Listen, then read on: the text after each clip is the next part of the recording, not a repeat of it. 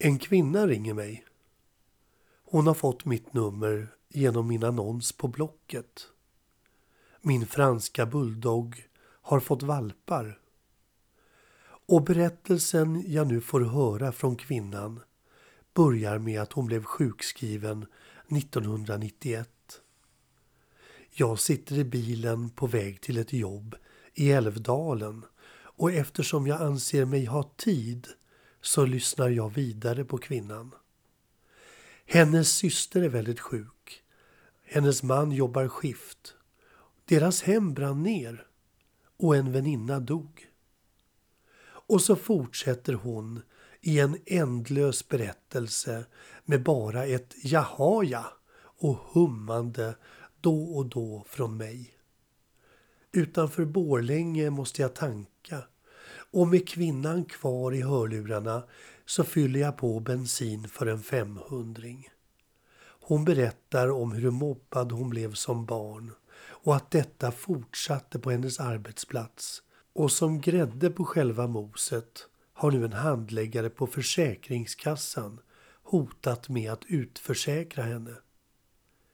När jag närmar mig Mora så blir hon plötsligt tyst och medan jag har en chans att få en syl i vädret så harklar jag mig, liksom för att pröva om min röst finns kvar och frågar Så du är intresserad av valpen? Ja, skriker hon entusiastiskt. Ja, den är till salu.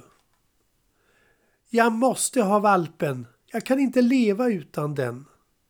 Hon börjar storgråta och jag tänker att denna valp nog inte kommer att få det lätt här i livet. En matte som är utmattad och en husse som enligt kvinnans utsago bara jobbar och skiter i allt. Du kan ju komma och titta på lördag. Åh, det vill jag gärna, svarar kvinnan. Jag har redan beställt tid för att ta bort valpens livmoder. Jag blir tyst och kvinnan förtydligar sig. Min förra hund fick cancer i livmodern och det vill jag inte ska hända en gång till. Därför ska valpen opereras omgående. Jag tvärstannar bilen på motorvägen. Du borde gå och prata med någon. Söka hjälp hos någon professionell. Jag hör kvinnan snyfta till och i bakgrunden hör jag någon säga Bodil, du måste sluta prata nu. Det är dags för dina mediciner och sedan ska vi spela bingo. Och kvinnan svarar personen glatt. Åh, jag älskar bingo. Jag kan inte leva utan bingo.